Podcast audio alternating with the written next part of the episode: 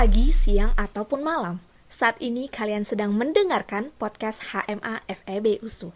Penasaran kan? Kira-kira kita bahas, hmm, apa ya?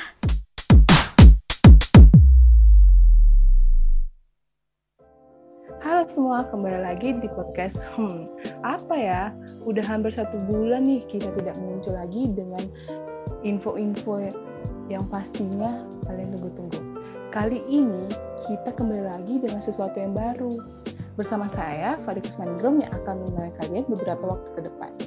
Di episode kali ini, kita akan ngobrol-ngobrol asik mengenai kuliah pasca sarjana atau biasa dikenal dengan kuliah S2. Kali ini kita sudah bersama narasumber yang pastinya tidak asing di kalangan mahasiswa akuntansi. Mungkin angkatan 2020 dan 2021 masih beberapa yang belum tahu.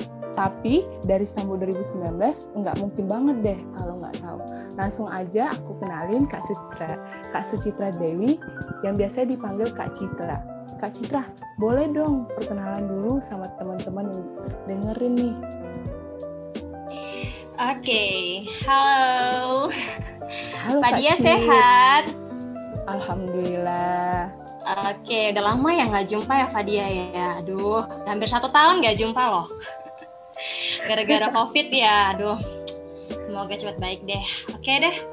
Eh, kenalin, nama kakak Sucitra Dewi atau sering dipanggil Kak Citra. Nah, kakak dari Stambuk 2014.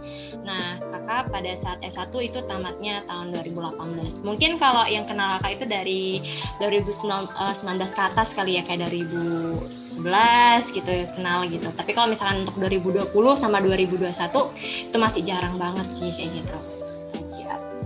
Ya. Kayak itu deh. Untuk saat ini apa sih Kak kesibukan Kakak? Em, Alhamdulillah saat ini eh, sedang mengajar di salah satu universitas di Kota Medan, sama ada sambil usaha juga itu dia. Mungkin beberapa em, anak akuntansi tahu deh usaha apa gitu. Nanti kita cerita gitu aja. Oke. Nah, ini kan kita ngebahas tentang pasca sarjana. Hmm, Pasti kakak waktu itu mau ngambil pasca sarjana pasti mikirin kan, uh, ber- mempertimbangin apa aja sih yang mesti kakak pertimbangin atau kakak persiapkan untuk mengambil pasca sarjana itu kak. Oke. Nah, ka- kenapa pertimbangan ngambil eh, pasca sarjana atau S2? Karena memang gini, kakak punya keinginan untuk menjadi seorang dosen. Nah, salah satu eh, tahap untuk menjadi seorang dosen itu adalah harus melewatin atau mengambil eh, jenjang S2. Nah, maka dari itu kakak mengambil S2. Jadi ya karena mau jadi seorang dosen sih itu dia. Nah, terus dilihat juga dari segi eh, biaya. Nah, kira-kira ada nggak sih gitu biaya untuk ngambil S2-nya gitu. Jadi beberapa eh, hal tersebut yang mempertimbangkan kakak untuk ngambil untuk harus ngambil S2 sih itu. Oh begitu ya kak. Hmm, iya. Tadi kan kakak kan ada bahas nyebutin biaya. Mm-mm. Nah itu bagaimana sih kak cara kak memenuhi biaya tersebut? Oke, Apakah nah kakak bayar uang hmm. kuliah sendiri atau masih dibantu dengan orang tua? Oke, sebenarnya kakak boleh nggak sih cerita kenapa tiba-tiba kakak ngambil S2? Nah gitu, biar mungkin bisa jadi gambaran adik-adik kenapa harus ambil S2 dan apa alasan untuk ngambil S2, boleh nggak sih? Boleh banget dong Ah. kak. Jadi gini, mungkin kakak cerita gini eh, untuk membuka pikiran adik-adik yang masih menjalani atau mengambil S1. Terkadang kan kalau kalian itu masih bingung ya, ini nanti aku mau jadi apa sih kayak gitu. Aku pengennya nanti setelah tamat ke mana sih kayak gitu. Nah jadi sebenarnya eh, waktu awal S1 itu, nah jadi waktu awal S1 sebenarnya belum kepikiran sih untuk jadi dosen kayak gitu. Nah jadi waktu awal-awal itu pengennya tuh kerja di kantoran, kayak di BUMN, di atau perusahaan swasta, pokoknya yang gajinya gede lah gitu kan. Nah, eh, beberapa waktu berjalan pada saat tahun 2016, nah di situlah baru eh, kepikiran buat ngambil S2. Nah, jadi waktu ngambil S2 kenapa gitu? Oh, karena mau jadi dosen. Karena waktu di tahun 2016 itu kakak mulai aktif ngajar. Itu berkat HMA loh. Aplaus dong buat HMA. ya itu em, itu semua karena HMA sih karena dari HMA sendiri itu ada em, kegiatan tentoran nah dari situ kamu mulai ngajar-ngajar uh, dari Stambuk 2016. Nah, setelah itu berpikir kayak Ih, enak juga ya ngajar. Kayaknya di passionku di uh, passionku di sini sih kayak gitu. Nah, setelah itu sebenarnya belum yakin banget sih pengen jadi dosen. Nah, baru setelah tamat uh, pada saat tamat S1 itu mulai makin banyak tuh adik-adik les yang kakak ajarin. Nah, di situ mulai goyah. Apa iya ya ngelanjutin cita-cita yang pengen kerja di kantoran atau ngambil dosen kayak gitu. Karena memang sedikit bertentangan nih dengan orang tua kayak gitu. Nah, orang tua tuh pengennya uh, kerja di kantoran dan nggak pernah kepikiran untuk jadi seorang dosen. Nah, jadi kan tadi uh, Fadia nanya tuh, gimana tentang biaya kan? Iya, Kak. Nah, jadi sebenarnya pada saat izin ke orang tua untuk mengenai biaya itu agak berat. Nah, karena kan memang e, kalau untuk ngambil S2 lagi pasti biayanya lebih besar. Nah, tapi alhamdulillah e, yakin ke orang tua karena pada saat itu di tahun 2018 ya Kakak tamat, itu kan sudah ada usaha. Allah ya apa usahanya. Oke. okay? Nah, tahu. Jadi e, di situ Kakak cerita sama orang tua ma pak pengen S2 kayak gitu baru cerita tentang biaya kakak bilang insya Allah dari hasil usaha bisa nutupin untuk biaya S2 walaupun memang ada sih beberapa biaya dari orang tua juga ada bantu tapi untuk uang kuliahnya uh, alhamdulillah bisa tertutupi dari usaha kakak kayak gitu hmm jadi gitu ya, ya. kak nah hmm. kakak kan sudah selesai kan uh, hmm. S2-nya kan perkiraan sudah. biaya perkiraan biaya yang harus kakak persiapkan dari awal sampai akhir itu berapa ya kak kisarannya? Hmm, Oke, okay. jadi kan gini ya, S2 itu uh, terdapat di beberapa universitas. Ada yang di Sumatera, yaitu USU, salah satunya USU, dan ada juga yang di luar Sumatera kayak di Pulau Jawa ataupun di Pulau Kalimantan dan lainnya. Itu terdapat terjadi perbedaan biaya harga loh. Nah, itu dia. Apa biayanya untuk SPP-nya beda gitu. Kalau untuk di USU sendiri, um, kira-kira maksimal nih, maksimal itu sekitar 50 juta bisa untuk S2 gitu, untuk sampai selesai. Tergantung sih kalau kalian cepat selesai bisa kurang dari 50 juta gitu. Nah, tapi kalau untuk dari pengalaman cerita teman kakak, kalau di luar Sumatera itu bisa di atas 10 juta bahkan di atas 20 juta. Nah, itu dia. Tergantung juga jurusannya mau apa. Nah, kadang uh, setiap jurusan tuh beda lagi biayanya itu dia. Jadi um, tergantung. Jadi sebelum mengambil S2, survei dulu. Nah, survei dulu biayanya berapa nih di universitas-universitas yang mau diambil kayak gitu. Di survei dulu. Kalau dari kakak sendiri untuk di USU, untuk jurusan S2 akuntansi um, itu kurang dari 50 juta kayak gitu. Sampai selesai seperti itu. Lumayan juga ya, Kak. Iya, lumayan. Makanya memang uh, lumayan berat sih untuk biaya di S2 karena kan cuma 4 semester udah menghabiskan segitu gitu. Belum lagi juga yang di luar Sumatera yang di mana ada yang di harga 10 di atas 10 juta, ada yang di atas 20 juta kayak gitu. Lumayan sih. Nah, okay. Kakak kan ini kan kembali lagi nih ke hmm. bangku kuliah. Itu hmm. mempengaruhi nggak sih Kak gaya hidup Kakak? Kalau mempengaruhi gaya hidup sih enggak. Ya kayak misalkan datang kita kuliah, belajar. Cuman gaya belajarnya sih yang beda, bukan gaya hidup ya. Gaya belajarnya aja yang beda antara S1 dengan S2 gitu. Um, boleh sedikit cerita nggak ini tentang mungkin banyak atau sedikit deh terserah. boleh nggak cerita boleh tentang gaya? Nah, kalau untuk cara belajarnya, Deng, uh, nggak gaya. Kalau cara belajar, kalau mungkin di S1 ya, mungkin ada juga sih kita buat kelompok, presentasi gitu kan. Uh, di S1 tuh kebanyakan kayak teori, uh, terus nanti ngerjain soal. Nah, itu kan kalau S1. Nah, tapi kalau S2 itu udah nggak belajar teori-teori lagi sebanyak S1. Ada juga teorinya, cuman nggak sebanyak S1. Namun di S2 ini lebih banyak kayak uh, memecahkan kasus kayak gitu. Jadi kan gini, ibaratnya kan kita uh, ngambil S2 itu adalah pilihan antara kerja atau S2 walaupun bisa berbarengan sih antara uh, S2 dengan kerja. Cuman ada beberapa orang yang memang pengen uh, fokus S2 aja, ada yang pengen kerja aja. Jadi sebenarnya di S2 itu sebenarnya hampir sama kita bakal menghadapi kasus-kasus yang ada di dunia kerja, tapi ini kita secara ilmiah kayak gitu.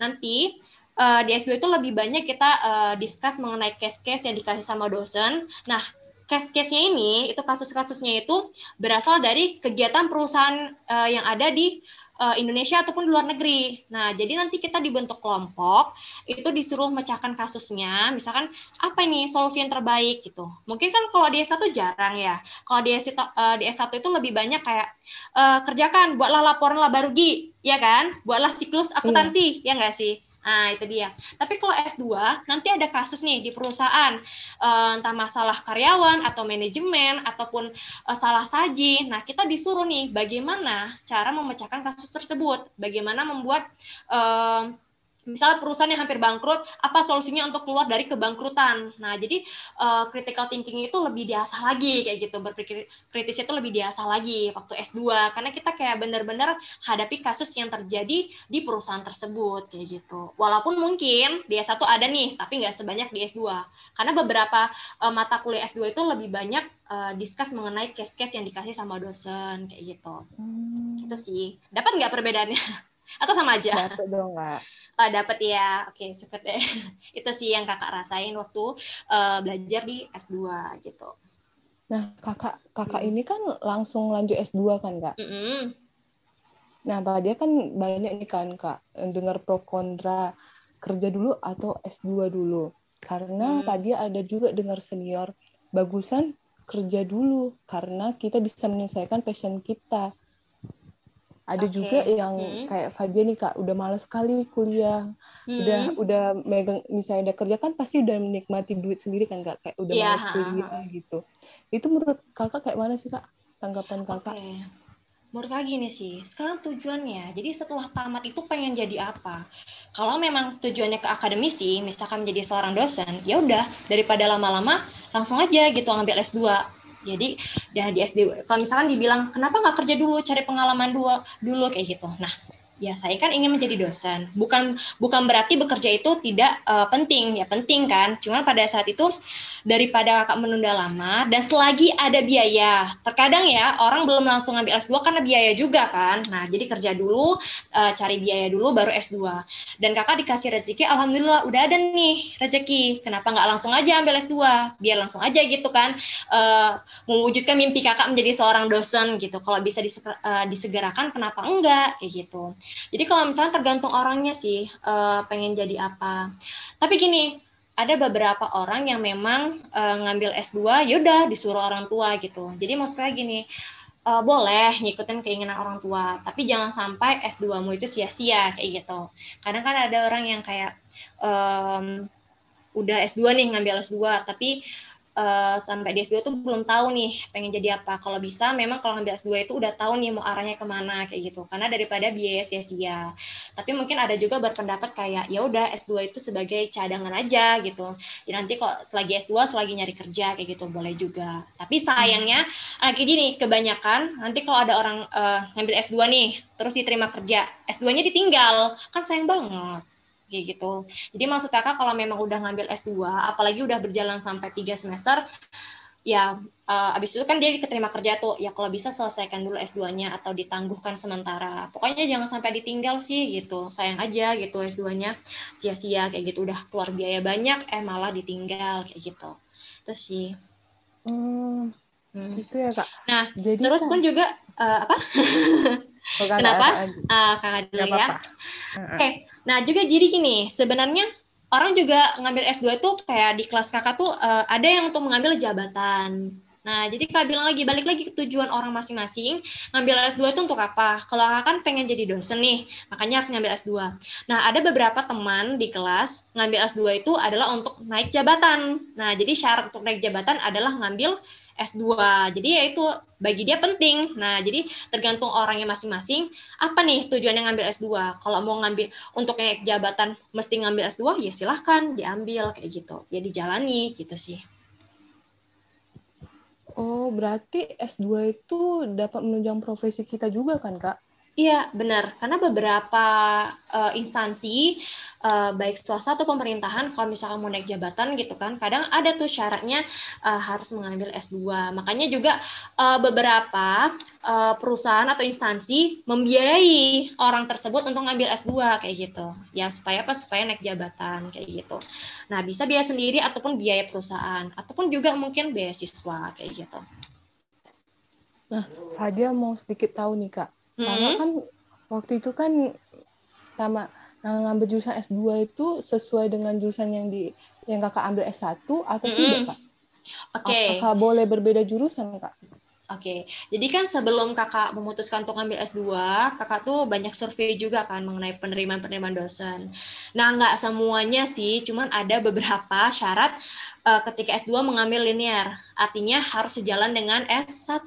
Nah, jadi karena uh, ketemu dengan beberapa syarat seperti itu, jadi kamu memutuskan untuk ngambil S2 akuntansi gitu. Tapi ada beberapa juga universitas yang tidak mengharuskan untuk mengambil S2-nya linear, misalkan ke manajemen. Jadi bisa-bisa aja kalau mau ngambil manajemen, hukum, apalagi kalau misalkan untuk naik jabatan. Kalau naik jabatan kalau nggak sesuai um, apa namanya nggak sesuai jurusan S1-nya mungkin nggak apa-apa tapi jangan melenceng kali dong. Misalkan dari S1 akuntansi ke kedokteran kan nggak mungkin kan? Nah itu dia. Iya. hmm.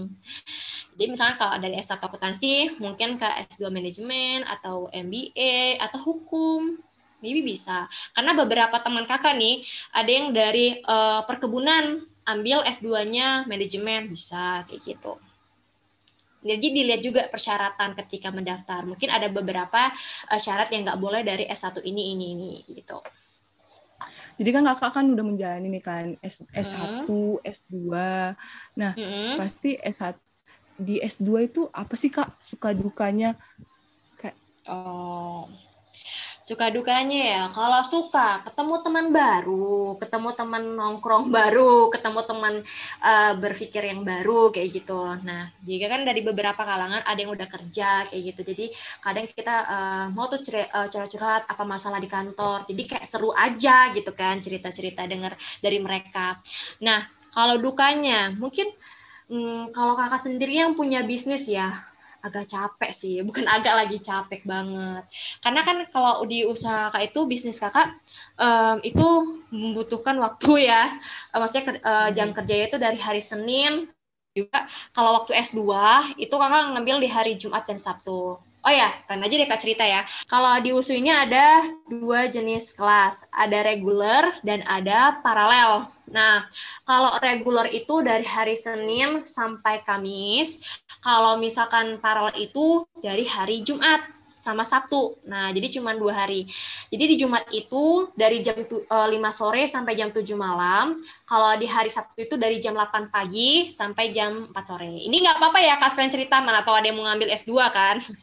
Oke. Okay? Hmm. Nah, apa, apa ya. Nah, jadi kakak tuh ngambil kelas paralel. Nah, kelas paralel itu di hari Jumat dari jam 5 sampai jam 7 dan dari hari Sabtu jam 8 sampai jam 4. Nah, yaitu kadang dukanya itu untuk menyesuaikan waktu antara uh, kerjaan kakak sama kuliah itu kadang mau tuh tabrakan, kadang juga apa ya um, tugas-tugasnya. Jadi tugas-tugas S2 itu bukan bukan berarti makin ringan ya, makin berat malahan kayak gitu. Banyak banget ya uh, seperti review artikel, terus pemecahan kasus kayak gitu. Nah, tugasnya itu juga setiap minggu tuh ada. Ya capek gitu kan abis mikirin Oke, okay, jadi usaha tuh kan ngajar. Jadi abis ngajar setiap hari, terus disuruh berpikir lagi ngerjain tugas. Nah itulah pandai-pandai wak membagi waktu antara ngerjain tugas sama uh, ngejalankan usaha itu harus pandai-pandai banget sih ngatur waktunya. Nah nggak uh, cuman kakak sih yang ngerasain kan, karena beberapa temen juga ada yang uh, sambil kerja. Nah apalagi kalau yang sambil kerja, kadang kerjanya ini uh, membutuhkan dinas keluar. Jadi sempat apa ya, kalau sempat nanti ada yang ngambil kerja sambil ngambil S2 kayak gitu. Itu siap-siap aja deh mungkin ada beberapa kali nggak ikut kelas. Mungkin dia dinas keluar kayak teman-teman kakak. Jadi harus meninggalkan kelas harus absen kayak gitu. Belum lagi nanti masalah kerjaan kantor masalah tugas S2 ya intinya pandai-pandai bagi waktu sih itu. Jadi untuk bagi yang mau ngambil S2 uh, eh, coba di apa ya pikirkan lagi gimana nih mau tamatnya mau sambil kerja uh, atau kerja sambil S2 atau kerja aja atau S2 aja. Karena memang kalau kerja sambil S2 itu benar-benar harus bisa bagi waktu antara um, kerjaan sama tugas-tugas dari kampus. Yang mana juga tugas dari kampus itu kadang ada deadline. Nah itu nggak bisa ditunda kayak gitu. Tapi bukan berarti nggak bisa. Bisa bisa. Kan kerja sama juga kadang kelompok tugasnya gitu. Nah kan yang yang anak-anak akuntansi tahu kan kakak kan punya bisnis nih kak Bagaimana sih kak cara kakak bagi waktu antara pendidikan dan bisnis kakak? Oke. Wah, kalau Tadi kan udah cerita. kakak sebutin. Ah, Oke, jadi usaha kakak itu di eh, mengajar. Jadi kakak punya bimbel. Eh, bimbelnya itu untuk les-les akuntansi sih. Namanya Citra Course Accounting. Mungkin beberapa udah tahu ya. Mungkin nggak perlu kakak jelasin panjang lebar. Ntar cari aja di Instagram Citra Course Accounting kayak gitu. Nah, jadi memang pada saat itu ngambil S2 itu agak riweh karena pada saat itu ngejalankan bisnis. Nah, usaha kakak itu eh dari Senin bahkan sampai Sabtu. Jadi kalau boleh cerita susah, boleh nggak sih cerita susah? Boleh Jadi kalau- berbagi kesusahan Ah, itu. berbagi kesusahan. Tapi untung aja udah pas ya, udah lewat, alhamdulillah. Jadi kalau kakak ngajar itu hmm, dari Senin fullnya itu dari Senin sampai Jumat. Nah, kalau Jumat kak, tapi kakak kuliah Jumat. Nah kan kalau di hari Jumat itu kuliahnya dari jam 5 sampai jam 7 malam. Jadi kakak tuh setiap harinya itu ngajar dari jam setengah 9 pagi jam sampai jam setengah 10 malam. Tepar nggak tuh? Wah, Nah, itu setiap hari loh, setiap hari itu sampai hari Jumat loh kayak gitu. Jadi, oke lah Senin sampai Kamis kakak ngajar dari jam setengah 9 pagi sampai jam setengah 10 malam. Itu pun juga udah dibantu sama ada tenaga pengajar juga. Tapi tetap aja, eh, alhamdulillah kakak juga megang ngajar eh, itulah dari pagi sampai malam kan. Terus di hari Jumat, nah paling sakit itu sebenarnya di hari Jumat. Kenapa? Karena kan kakak ngajar tuh dari pagi, setengah 9 pagi hari Jumat eh, sampai jam 4 sore. Nah, habis jam 4 sore kalau biasanya nih, kalau di hari Senin sampai Kamis, jam 4 sore ke jam 6 itu ngajar lagi. Tapi kakak itu kakak untuk kuliah. Oke, jadi memang kakak nggak pernah nyenggol waktu kuliah untuk ngajar kayak gitu. Eh, pernah deh, pernah nggak ya? Kayak pernah sih sekali. Nah, jadi kakak ngajar dari hari eh, tadi Jumat sampai jam 4. Baru jam 5-nya itu ngampus. Nah, jadi kakak benar-benar kuliah ngampus dari jam 5 sampai jam 7. Nah, habis itu nggak istirahat. nggak istirahat. Nah, dari jam setengah 8 ataupun bisa dari jam 8 itu lanjut lagi sampai setengah 10 itu ngajar. Pertanyaannya gini, kenapa kak mau ngambil kayak gitu? Ya nggak sih? iya iya Ya benar. nggak? Kenapa kakak nggak istirahat aja kayak gitu? Nah, alhamdulillah eh, bukan mau apa ya eh, nyakitin diri sendiri, tapi kakak orangnya juga eh, kadang nggak tegaan. Misalkan kalau ada adik-adik yang mau belajar semangat, ya udahlah kak ikutan semangat juga. Jadi walaupun capek-capek habis-habisan habis belajar di S2 lanjut lagi ngajar ya is oke lah yang penting memang ada eh, adik adik-adiknya itu serius untuk belajar kayak gitu ya udah nggak apa-apa nanti istirahatnya di weekend itu pun bener-bener cuman hari minggu doang istirahatnya kayak gitu. Nah habis itu ya udahlah di Jumat itu sempat tuh kan eh, ngambil kuliah habis pulang kuliah lanjut lagi ngajar. Capek nggak sih bayanginnya? Berarti jadi kak kak Citra tuh sangat melelahkan ya kak. aduh itulah menurut kalian aja.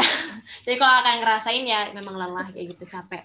Baru nanti di hari Sabtunya itu kan tadi kak bilang dari jam 8 pagi sampai jam 4 sore.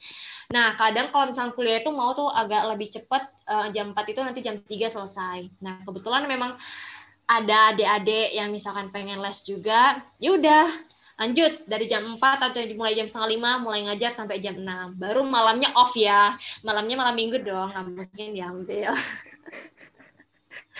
malam minggu waktunya me time kan Ya ya, gitu.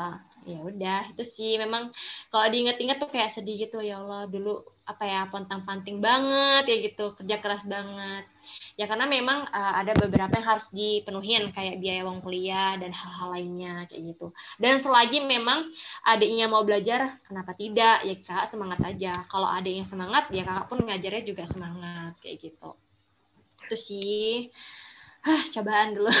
Tapi alhamdulillah udah terlewati udah terlewatin alhamdulillah. Iya, tapi kan Oke. usaha kakak selama ini tidak menghi- mengkhianati hasil untuk alhamdulillah. yang saat ini. Hmm, untuk saat ini ya.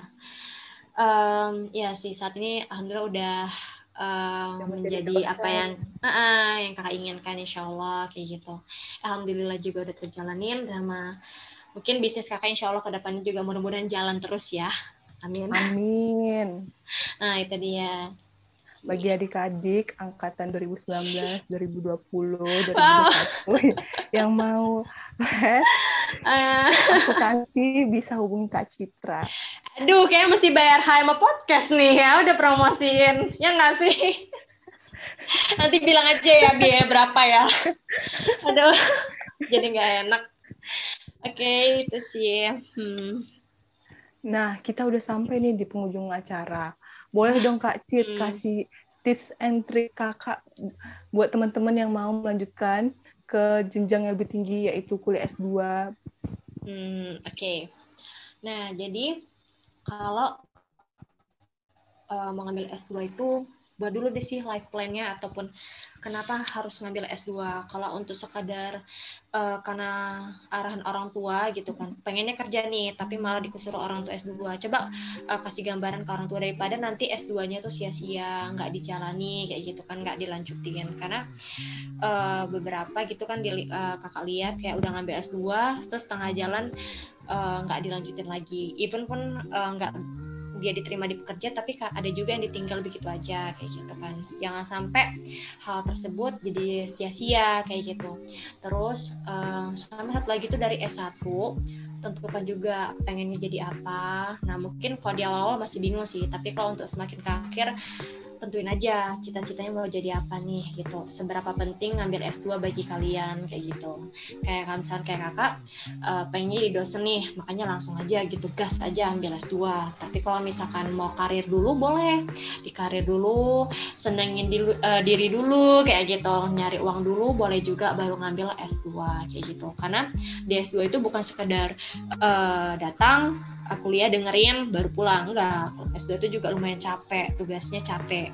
Nah apalagi juga beberapa teman kakak yang kuliah di eh, luar USUM misalnya kayak daerah Jawa itu sampai nggak tidur loh ngerjain tugasnya kayak gitu. Jangan sampai udah nyer- eh, tiba-tiba nyerah duluan tengah jalan untuk ngambil S2 karena benar-benar tugasnya itu banyak. Bukan mungkin eh, mikir kayak Allah S2 aja kok gitu kan. Eh, datang absen kayak gitu. Enggak enggak seperti itu. Malahan kita lebih banyak bahas case eh, nanti kita review-review artikel kayak gitu. Jadi lebih tekadkan lagi aja untuk ngambil S2-nya nanti mungkin bisa tanya ke beberapa mungkin ada teman atau kakak ya. Gimana kehidupan S2 kayak gitu. Boleh tanya aja silakan kayak gitu. Itu sih tuh Oke Kak Cit. Hmm. Jadi bagi kalian yang Mm. masih kurang nih infonya bisa langsung hubungin kontak Kak Cit, minta ya Hmm. sama HMA. oh ya kalau untuk Fadia sendiri tertarik nggak ngambil S2? Fadia sih Kak. Fadia eh, untuk saat ini belum sih Kak, masih mau mencari kerja dulu. Oh iya, nggak apa-apa. Itu pilihan. Makanya dari S1 tuh eh, sebelum tamat harus tahu dulu mau ke mana kayak gitu. Kalau memang nggak pengen S2 juga nggak apa-apa. Kerja dulu, senangin diri dulu, cari uang dulu kayak kan gitu dia. Kalau yang belum ada biayanya bisa kerja dulu ataupun nyari beasiswa boleh gitu. Gitu sih. Oh, Fadia mau nanya nih Kak. Lagi. Ah, apa tuh? Hah. Misalnya di S2 tuh beasiswanya ada Kak? Maksudnya Oke. Mm-mm. maksudnya s- berapa Kak? Apa aja gitu? Mungkin Kakak bisa Oh. beritahu beasiswanya apa aja yang ada untuk untuk jenjang pasca sarjana. Oke, jadi kalau sebenarnya nanti kalau untuk beasiswa itu nanti ada di share di grup, nah di grup-grup gitu kan. Cuman karena memang kakak fokusnya nggak ke apa beasiswa, jadi kakak nggak terlalu merhatiin eh, merhatiin sih. Cuman nanti di grup untuk keseluruhan S2 biasa di grup-grup ataupun sekarang kan akses banyak ya untuk mencari eh, beasiswa-beasiswa itu ada-ada aja pasti gitu. Apalagi dari kampus nanti sering aja gitu nanya ke bagian eh, prodinya S2 apa yang sedang eh, dibuka saat ini. Jadi rajin-rajin aja bertanya ke kampus kayak gitu ataupun lihat info-info di beberapa misalkan nih kita kan sering scrolling Instagram kan. Nah, lihat Instagram tuh eh, eh, lihat apa aja beasiswa yang tersedia kayak gitu. Itu sih. Eh, jadi lebih eh, rutin nanya di kampus ataupun memang di grup-grup WA nanti kan kalau kita S2 kita masuk ke grup tuh. Nah, nanti di situ bakal di sharing sama dosen-dosennya mengenai eh, beasiswa apa aja nih yang lagi dibuka kayak gitu. Tenang aja itu nanti bakal di share kok. Atau nanya ke dosennya langsung bisa gitu. Wah, akhirnya kita sudah sampai nih di penghujung podcast ini. Bareng bareng Kak Citra. Terima kasih Kak Cit sudah memberi info-info mengenai pasca sarjana. Sama-sama, semoga tertarik ya. Sehat-sehat Kak Cit. Oke, sehat-sehat juga Kak Dia dan seluruh warga akuntansi sehat-sehat ya.